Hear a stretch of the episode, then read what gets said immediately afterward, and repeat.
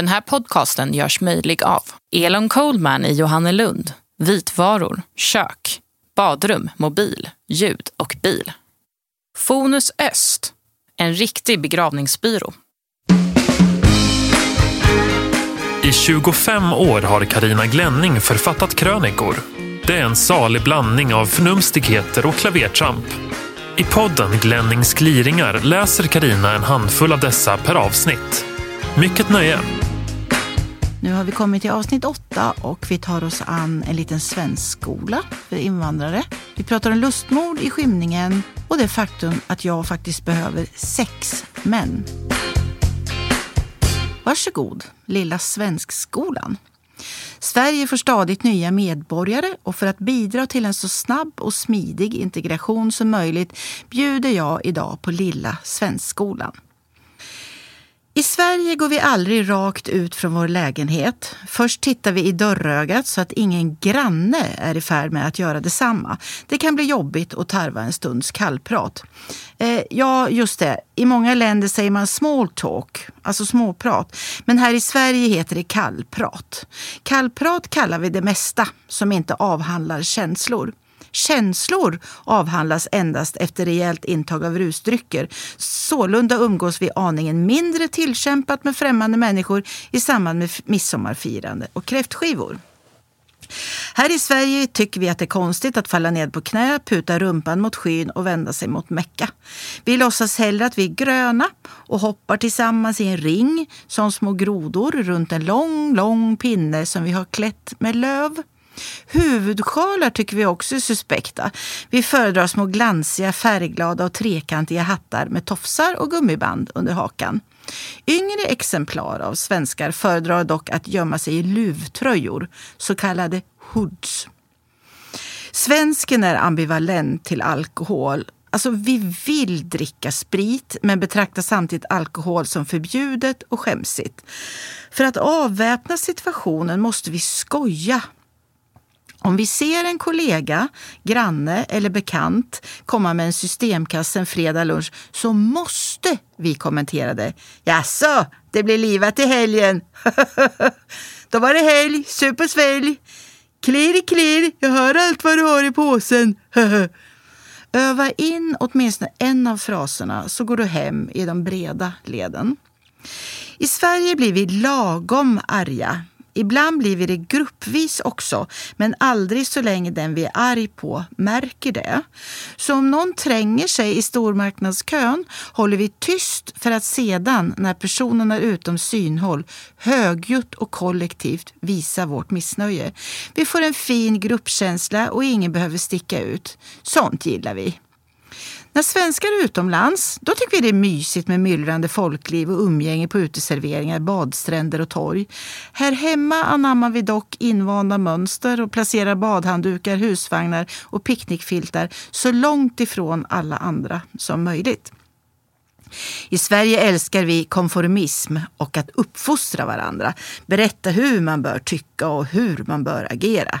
Men man vänjer sig. Förmodligen är vi bäst i världen på konststycket att uppträda politiskt korrekt och slå dövörat till samtidigt. Känn dig nu varmt välkommen hit till Sverige och lycka till! Men inte för mycket och inte för snabbt. Då blir vi avundsjuka. Lustmord i skymningen. Jag är en bestialisk fullblodsrasist. Fullständigt skoningslös när jag leker Gud över min omgivning. Mörkt skinn, du får leva. Ljust skinn, du ska dö. Med mordlusten glimmande i mina skenbart väna ögon ger jag mig ut på jakt varje kväll. När barnen har lagt sig och grannarna bommat igen för kvällens soffmys transformeras jag och låter den mörka sidan av min personlighet ta över. Det är då jag har mina rasbiologiska mordexcesser. I början tog det emot, nästan lite rädd var jag och efteråt ville avsmaken inte lämna mig i fred. Tänk att jag, jag, är kapabel att utföra sådana avskyvärda handlingar. Men man vänjer sig. Förr när jag hittade ett blekansikte i trädgården satte jag en upp och nedvänd hink över den och sen fick helggubben ta hand om avrättningen när han kom. Så kan man ju inte ha det. En hemmansägare måste kunna döda för egen kraft med sina bara händer. Hade jag haft vapenlicens hade jag försett mig med en hagelbössa. Nu får en grilltång och en hink vatten duga. Med äcklad min förpassar jag, en inbiten djurvän, mördarsniglarna till vattenhinken. På med locket, tack och hej. De dör åtminstone snabbt och att drunkna är väl inte så hemskt i jämförelse med andra sätt att sluta sina dagar på. Men vänta, nu står hinken långt bort på framsidan av huset och vad ser jag framför mina fötter här på baksidan om inte ännu en av dessa vidriga marodörer? Jag får syn på ett järnrör från en hallonbuske, ser mig själv som i ultrarapid, höja det högt över huvudet och sen smack! Usch vad det skvätte otrevligt. De äter inte bara upp våra trädgårdar utan även varandra om de kommer åt, de vidriga små hermafroditerna.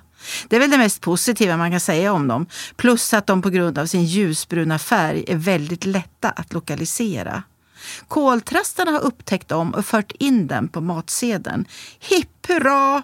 Tja, om man låter dem puttra i vitt vin en bra stund kanske, eller bara dänger på en faslig massa vitlök och persilja.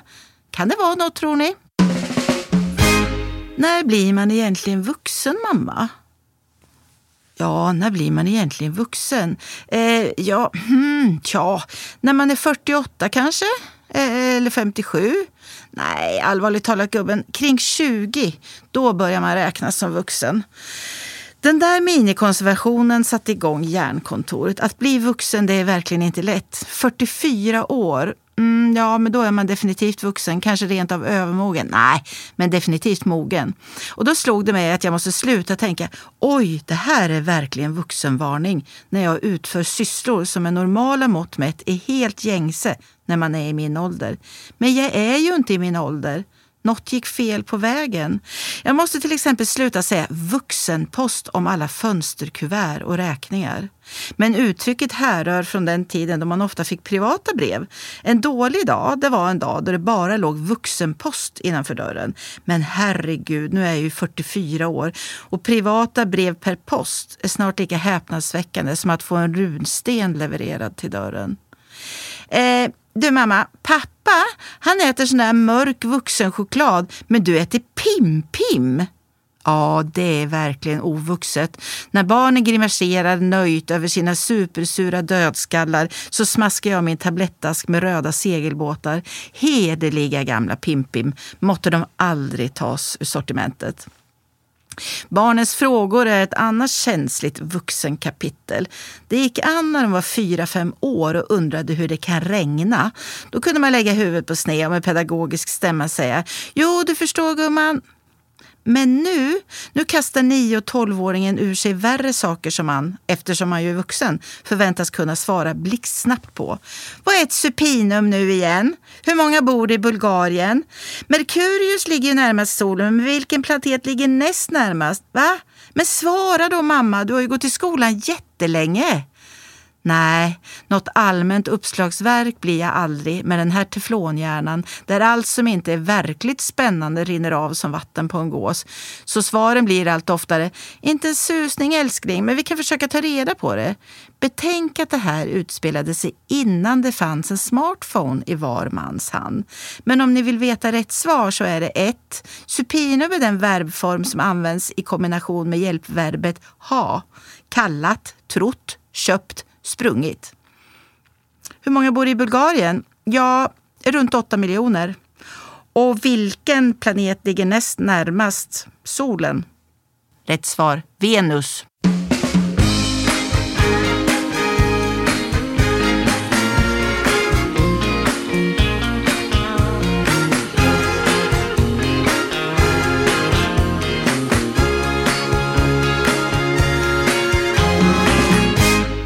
Mig sex män, tack.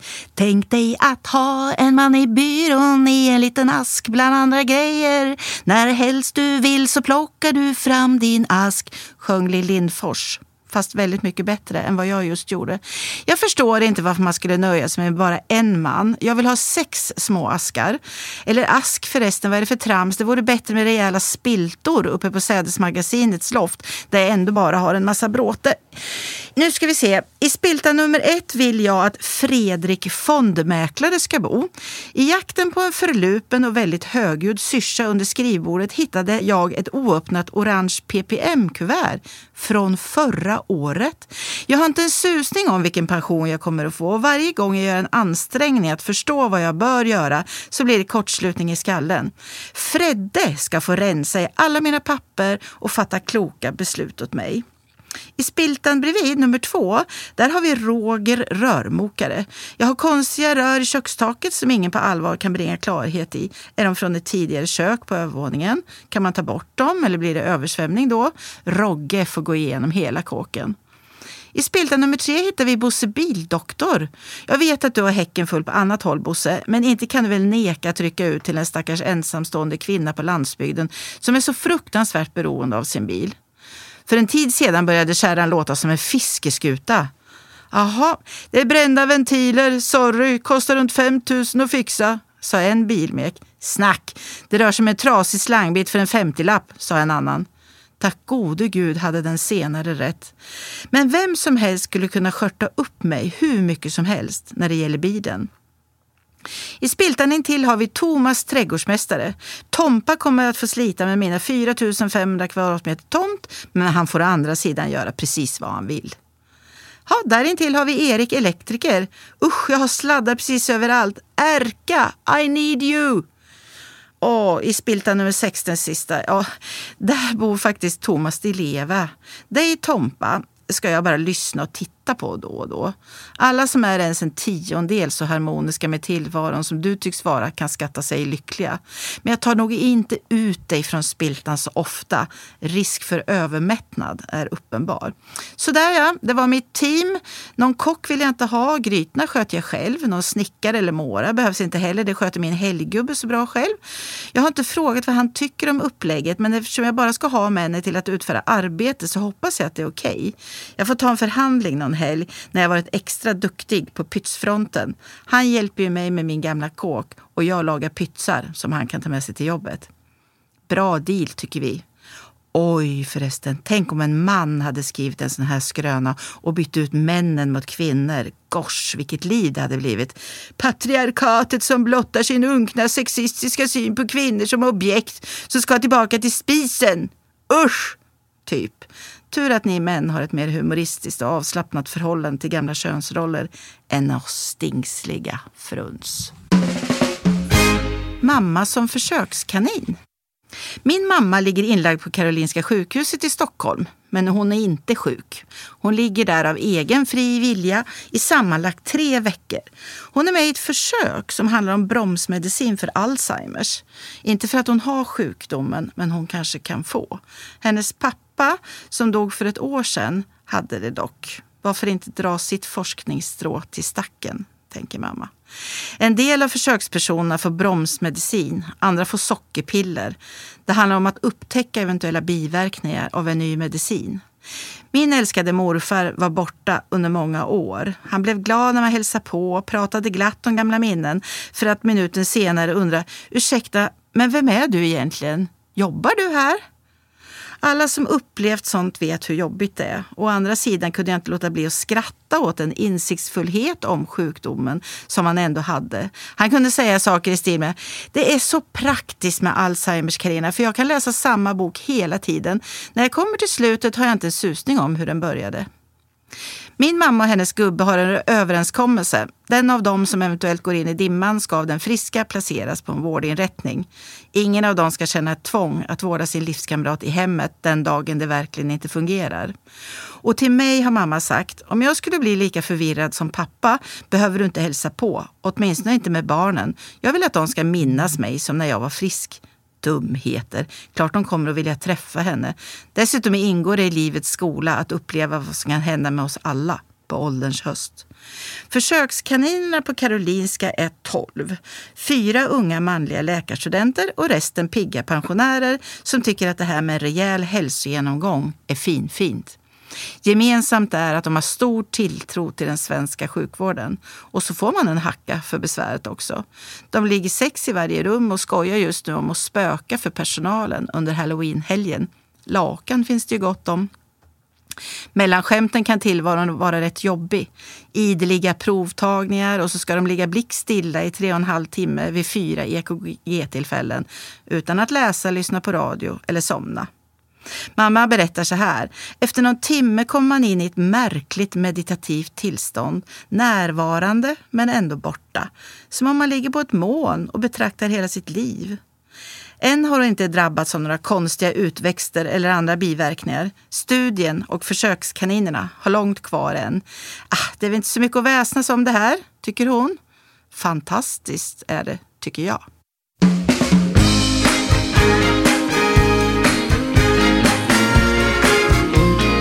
Du har lyssnat på Glennings gliringar. Ansvarig utgivare, Maria Kustvik.